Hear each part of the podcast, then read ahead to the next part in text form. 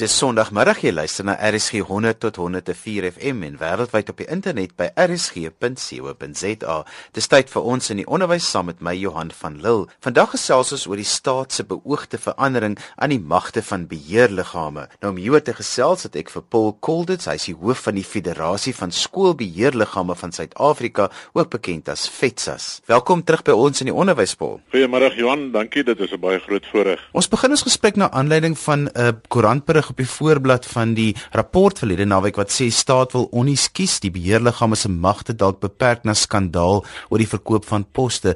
Waar kom hierdie hele ding vandaan, Paul? Kyk, uh Johan, daar's twee goed wat 'n mens moet onderskei. Die eerste ene is daar is op die oomblik 'n uh, konsep wysigingswetsontwerp op die tafel wat bespreek word en waarin daar voorgestel word dat die beheerliggame se bevoegdheid om mense vir aanstellings en bevorderingsposte, dit is nou departementshoofde, adjunkhoofde en skoolhoofde in te perk. Die verslag wat nou in 'n rapport ter sprake gekom het die afgelope naweek, ehm um, is 'n verslag wat gelek is aan verslaggewers en wat te doen het met hierdie beweringe van die verkoop van poste deur beamptes of amptenare van die Suid-Afrikaanse Demokratiese Onderwysersunie SADU. En een van die aanbevelings in daardie verslag is klaar blyklik dat uh, die beheerliggame se bevoegdhede ten opsigte van alle aanstellings, dit wil sê ook nuwe toetreders posvlak 1 onderwysers, uh heeltemal verwyder moet word. Dit is die agtergrond en ek sou baie graag daaroor wil uitbrei. Brei asseblief vir ons uit daarop want dit is 'n dit is nogal 'n bekommernis as 'n mens vanuit 'n jy weet van 'n publieke oogpunt daarna kyk. Is absoluut 'n dramatiese probleem en bekommernis wat ons moet hê. En laat ek sommer uit die staanspoor uit sê die aanbevelings is is is laf. Ehm um, die posisie is dat daar beweringe is en ons het self ook van daardie beweringe aan die komitee wat die minister aangewys is en wat die kwessie moet ondersoek voorgelê dat eh, daar korrupsie is met betrekking tot die aanstelling van onderwysers. Nou is dit belangrik om te verstaan presies hoe daardie proses werk. Alle aanstellings van onderwysers, het sy dit posvlak 1 of skoolhoof is, word deur die onderwyshoof van 'n provinsie gedoen, deur die departement met ander woorde. Die beheerliggame maak net aanbevelings vir daardie aanstelling. En hoe dit werk is die poste word geadverteer, mense doen aansoek Al die aansoeke word aan die beheerliggaam oorhandig en die beheerliggaam moet dan 'n taamlike uitgerekte en uh voorskriftelike posisie uh, 'n uh, proses volg met betrekking tot hoe hulle by hulle aanbeveling aankom en dit is belangrik hulle doen nie die aanstelling nie hulle maak net die aanbeveling. Nou die manier hoe dit werk is die beheerliggaam uh moet kennis gee van 'n kortluisting vergadering waarheen vakbondverteenwoordigers, een verteenwoordiger per vakbond uh, wat uh, en daar's 3 uh, wat verteenwoordig is uh, en dan 'n amptenaar van die departement waarnemerstatus het. Hulle sit met ander woorde daar terwyl die beheerliggaam hulle kortluisting doen om seker te maak dat alle prosesse reëlmatig verloop. Dan stel 'n beheerliggaam 'n kortlys saam van gewoonlik 5 mense. Dit kan meer wees uh, en dit kan minder wees afhangende van die aantal aansoeke wat daar was. En daarna 5 dae later, minstens 5 dae later vind onderhoude plaas. En weer tydens hierdie onderhoudsprosesse is die uh vakbonde en die departement teenwoordig as waarnemers om te kyk dat alles reëlmatig verloop. Daarna gaan die beheerliggaam stel 'n kortlys saam van 3 kandidate in voorkeur volgorde en dit gaan na die onderwyshoof toe en daaruit moet die onderwyshoof dan 'n aanstelling maak. Maar die onderwyshoof moet na 5 goed kyk alvorens hy die aanstelling maak. Nommer 1 het die beheerliggaam of die kandidate wat die beheerliggaam aanbeveel het, die korrekte kwalifikasies. Nommer 2 ehm um, is die korrekte proses gevolg. Nommer is hierdie opvoeder geregistreer by die Suid-Afrikaanse Raad van Opvoeders. Nommer 4 is daar enige aanduidings van enige onbehoorlike beïnvloeding in hierdie aanstellingsproses. En nommer 5 is die bepalinge van die grondwet uh met betrekking tot geskiktheid van die kandidaat en die noodsaak om die ongelykhede van die verlede reg te stel, is dit nagekom. So dis daardie vyf goed wat die onderwyshoof dan moet nagaan alvorens hy of sy die aanstelling maak. Die enigste manier hoe daar poste verkoop kan word, hoe daar uh korrupsie in die proses kan plaasvind, is tussen die beheerliggaam se aanbeveling en die besluit deur die departement. So iemand beïnvloed die persoon by die departement wat uiteindelik moet besluit op op hierdie aanstelling om A of B of C of wie ook al aan te stel. Daar's geen manier wat daar enige moontlikheid van korrupsie binne die beheerliggaam se aanbevelingsproses is nie. En en dit is hoekom hierdie ding totaal en al geklike voorstel is. Die feit van die saak is dat dieselfde mense wat beskuldig word van die korrupsie, naamlik die uh, amptenare van SADU, hulle verteenwoordig die meerderheidsvakbond in Suid-Afrika tussen die onderwysers. Dit is ook hulle mense wat die meerderheid poste in die departement beklee wat die amptenare is wat die besluite gaan neem. Nou maak jy letterlik wolf skaapwagter ehm um, as jy die beheerliggame in die proses gaan uitskakel. Dit gaan traumatiese effek hê uh op die gehalte van onderrig in in ons skole as jy die beheerliggame gaan uitskakel. Paul jy sê in die koerant dat en hulle het jy nou aangehaal daar sê dit sal die dood van ons onderwysstelsel beteken. Hoekom sê jy so? Kyk, die ding is die ding is as daar korrupsie is of as daar onreëlmatighede is, dan spreek jy daardie onreëlmatighede aan. Jy vernietig nie demokratiese strukture wat deur die wetgewing daar gestel is met die oog daarop om 'n bepaalde probleem wat 'n klein probleempie relatief is en wat maklik identifiseerbaar is op te los nie. Spreek die korrupsie aan nie vernietig die demokratiese struktuur nie. Kom ek net dit ook verder verduidelik. Uh ek is die wêreld deur en gekyk na verskillende onderwysstelsels.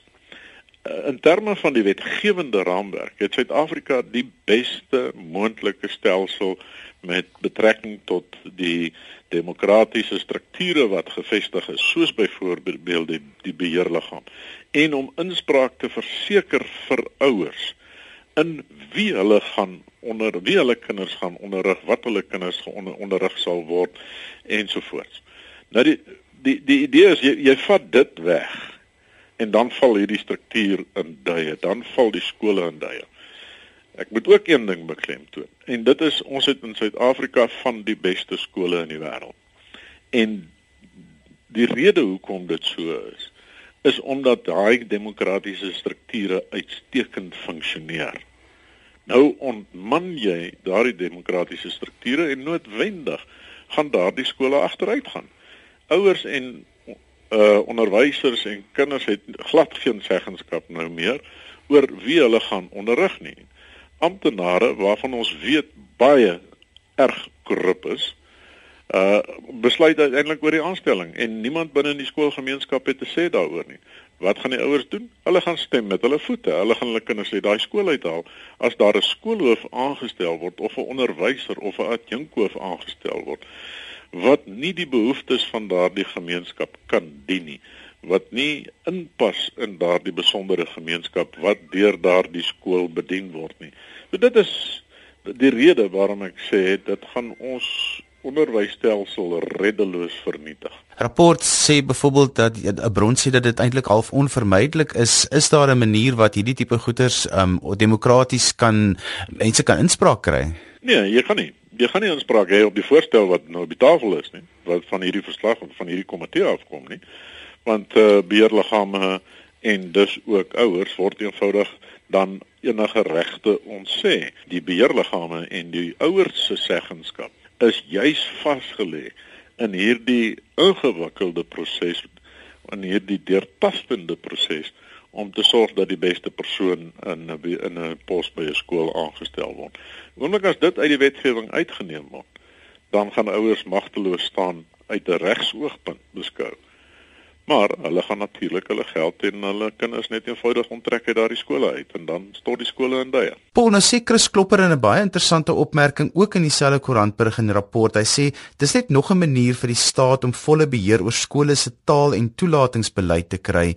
Hoekom is die staat so geïnteresseerd in taal en toelatingsbeleid? Kyk, dit gaan alles oor politieke transformasie. Dit het niks te doen met die beste belang van die kinders, met die opvoedkundige behoeftes van die kinders of die gehalte van onderwys in die skole nie. Ons sien reg deur die Suid-Afrikaanse samelewing hoe die staat probeer beheer neem oor alle instellings en onder andere skole. Nou beheerliggame is uh liggame wat in die pad staan van uh, politieke inmengery in die skole, beide wat die kurrikulum aanbetref en wat die algemene uh standaard ethos en kultuur van die skool aanbetref. En dit is vir 'n uh, regering soos die wat ons in Suid-Afrika sien 'n steen des aanstoots. Daarom is een van die voorstelle ook in hierdie konsep wysigingswetsontwerp wat tans net 'n besprekingsdokument is dat uh, beheerliggame se bevoegdheid om die toelatingstaal godsdienstbeleid van die skool, selfs die gedragskode van die skool te bepaal baie erger aan bande gelê word en dat die staat groter inspraak en seggenskap daarin gaan hê. Dit is alles strategie om groter beheer oor die skole te kry en uiteindelik groter beheer oor die denke en siele van mense in Suid-Afrika. Paul, maar dit is tog baie logies dat 'n gemeenskap wat verteenwoordig word deur 'n skoolbeheerliggaam eintlik tog in die beste posisie is om te besluit watter onderwysleiers kan 'n bydrae tot die gemeenskap maak, gaan die beste leier wees om hulle kinders te lei in die skool. Ons het vroeër die jaar byvoorbeeld gesien wat gebeur het by Rodepoort Primary School waar die ouers net eenvoudig hulle voet neergesit het en die skool amper toegemaak het as gevolg van die keuse van die onderwysdepartement vir 'n skoolhoof. Uh, vertel 'n bietjie meer vir ons van die dilemma want ouers is nie altyd tevrede as die onderwysdepartement 'n aanstelling maak nie. Nee, maar dis presies wat ek vroeër na verwys het. Uh en Rodepoort Primary is 'n baie goeie voorbeeld daarvan waar die gemeenskap deur middel van die beheerliggaam die aanstelling van 'n bepaalde skoolhoof aanbeveel het en die departement van onderwys in Gauteng toe besluit het. Nee, ons stuur vir julle iemand anderster natuurlik op onreëlmatige wyse want dit is buite die regsraamwerk vir aanstellings gedoen en daardie persoon was nie aan, uh, aanvaarbaar in die gemeenskap nie. En dit het tot baie groot skade aan die skool gelei maar meer in besonder baie groot skade vir die kinders wat in uh, vir 'n lang tyd onderrig ontneem is wat hulle nooit gaan inhaal nie. Uh, want dit is tyd wat uh, verby is. Hulle gaan dit nooit inhaal nie. En dit gaan die gevolg wees van die, wysigings wat beoog word of wat voorgestel word. Uh as dit sou gebeur, dan gaan dit op baie groot skaal dwars deur Suid-Afrika beteken en die groot probleem is. Ons het maar so 10 of 20% van die funksionele skole uh in Suid-Afrika van die totale aantal skole is regtig funksionele skole. Dit is daardie skole wat kan kers vashou met die beste in die wêreld.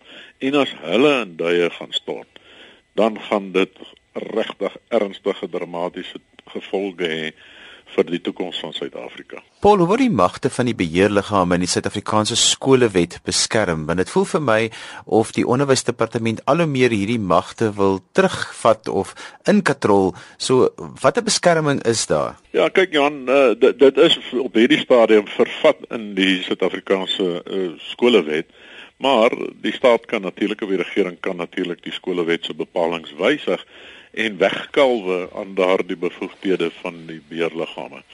Ehm uh, dit sal soos ek nou al uh, hoeveel keer gesê het regtig baie nadelig wees, maar die feit van die saak is dat dit is 'n steen des aanstoots vir amptenary om uh, in skole uh, se interne sake in te meng. En die rede is daarvoor dat dit vir hulle 'n steen des aanstoots is want ons kry onder amptenary in die provinsies in Suid-Afrika geweldige onbekwaamheid, onbevoegdheid, gebrek aan kennis. Hulle verstaan nie die skolewet nie. Hulle verstaan nie waar dit vandaan kom uit die wetskrifte wat gepubliseer is. Goeie dokumente hier van 1995 af en waarop die skolewet gebaseer is nie. So die gevolg is uh vanweë onbekwaamheid en gebrek aan kennis om die regte en die beste besluite te neem aanvaar hulle en sien hulle dat die skolewet is iets wat in hulle pad staan om hulle eie agendas in be bepaalde skole te bevorder. Paul van waar ek sit, lyk dit raak dit al hoe meer belangrik dat beheerliggame hulle posisie, hulle regte en die skolewet baie goed moet ken om te hulle self te laat geld. Inderdaad, absoluut, uh, absoluut Johan, daarom van ons kant af ehm uh, ons het vroeër vanjaar juis op hierdie program bietjie gesels uh oor die beheerliggaam verkiesings en die beheerliggaam opleiding wat ons sou doen. Ons het inderdaad ons personeel het 64000 km afgelê in Suid-Afrika die afgelope klomp maande om beheerliggame toe te rus met betrekking tot hulle regte en met betrekking tot hoe hulle optimaal moet funksioneer om te verseker dat 'n skool goeie gehalte onderrig uiteindelik vir kinders gee. Nou 64000 km, as jy nou dink dat uh, die die omtrek van die wêreld is 40000 km, dan is ons meer as 1 en 'n half keer om die wêreld net in Suid-Afrika om die die boodskap tuis te bring by beheerliggame met betrekking tot hulle regte en bevoegdhede. Paul, wat is die algemene vlak van kundigheid van 'n beheerliggaamslid? Is hulle opgewasse vir hulle taak om kwessies soos hierdie te kan hanteer? Uh Johan, afgelope Woensdag uh, was ons juis in 'n konferensie ehm uh, saam met die minister en 'n klomp ander rolspelers en dit is is so dat nie verkose beheerliggame onthou daar's nou elke 3 jaar verkiesings uh iemand wat nie op 'n beheerliggaam kom en wat nie van tevore blootstelling gehad het aan beheer en bestuur en leierskap en so aan nie is erg uh blootgestel.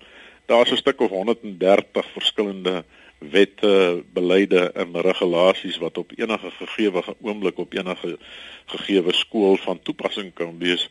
Dis 'n raamwerk waarvan mense moet weet En as jy nie uh, vooraf 'n bietjie kennis opgedoen het daaroor nie, dan spring jy regtig in die diep kant van die swembad in.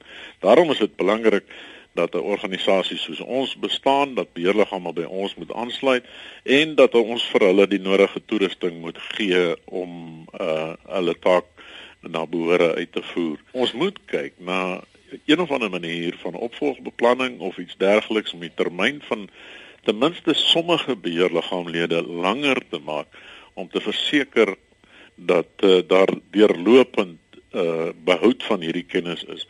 Dit gebeur nie altyd nie, maar dit gebeur tog wel dat 'n uh, beheerliggaam na die einde van sy 3 jaar termyn almal klaarmaak en 'n totaal nuut verkose beheerliggaam verkies word.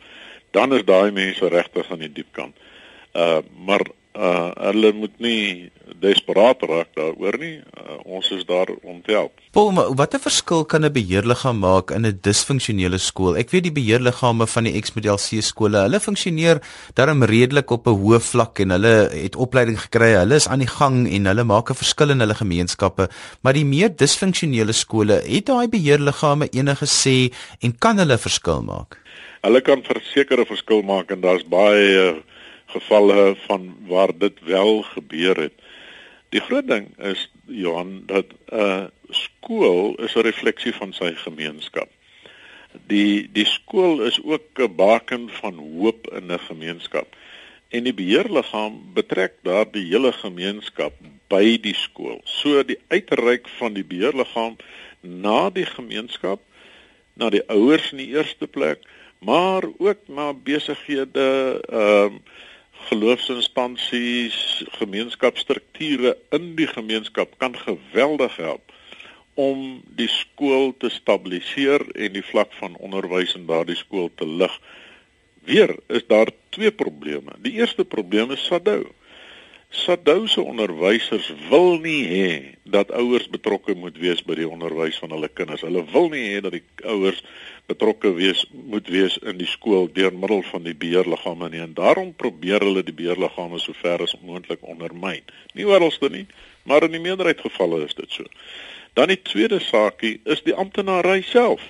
Die amptenary self wil ook nie hê dat ouers beheer moet neem oor die skool, dat die gemeenskap beheer moet neem van die skool nie, want dit bemoeilik hulle taak om net eenvoudig te hê 'n gebied soos hulle lekker kry. So daar is daai twee struikelblokke veral vir gemeenskappe wat swaar kry. Gemeenskappe waar daar 'n gebrek aan kennis is, gemeenskappe waar daar gebrek aan ervaring, geld en hulpbronne is. En dit is waar ons kan help om daardie mense toe te rus om hulle taak te doen en om op hulle regte te staan en om seker te maak dat die goeders wat hulle doen reg is en in die beste belang van die kinders van die skool is. Paul, as onderwysleiers nou luister en hulle het nog nie die opleiding gehad nie, hoe kan hulle met julle kontak maak? Wel, die die die maklikste manier uh is om na ons webwerf toe te gaan na www.fetsas.org.za. Daar is 'n kontak ons en en daar is die kontak besonderhede van ons nasionale kantoor wat in Bloemfontein is, maar ook al ons provinsiale kantore en provinsiale amptenare in al die provinsies. Of andersins kan hulle ons kantoor skakel in Bloemfontein by 051 522 6903 en ons sal dan vir hulle kan help en ten minste verwys na die regte persoon in 'n bepaalde provinsie wat na hulle behoeftes sal kan omsien. Dis en alwaar vir ons tyd het vandag. Dankie aan my gas Paul Kolditz en hy is die hoof van die Federasie van Skoolbeheerliggame van Suid-Afrika of FETSAS. Ons het 'n bietjie gesels vandag oor die staat se beoogde verandering aan die magte van beheerliggame. Onthou jy kan weer na vandag se ons in die onderwys luister as 'n potgooi laai dit af by rsg.co.za. Skryf gerus vir my as jy enige kommentaar het op die program of as daar onderwerpe is wat jy graag wil hê ons moet aanroer in ons in die onderwys. My e-posadres is Johan@wwd.co.za. daarmee groet ek aan vir vandag tot volgende Sondag van my Johan van Lille. Totsiens.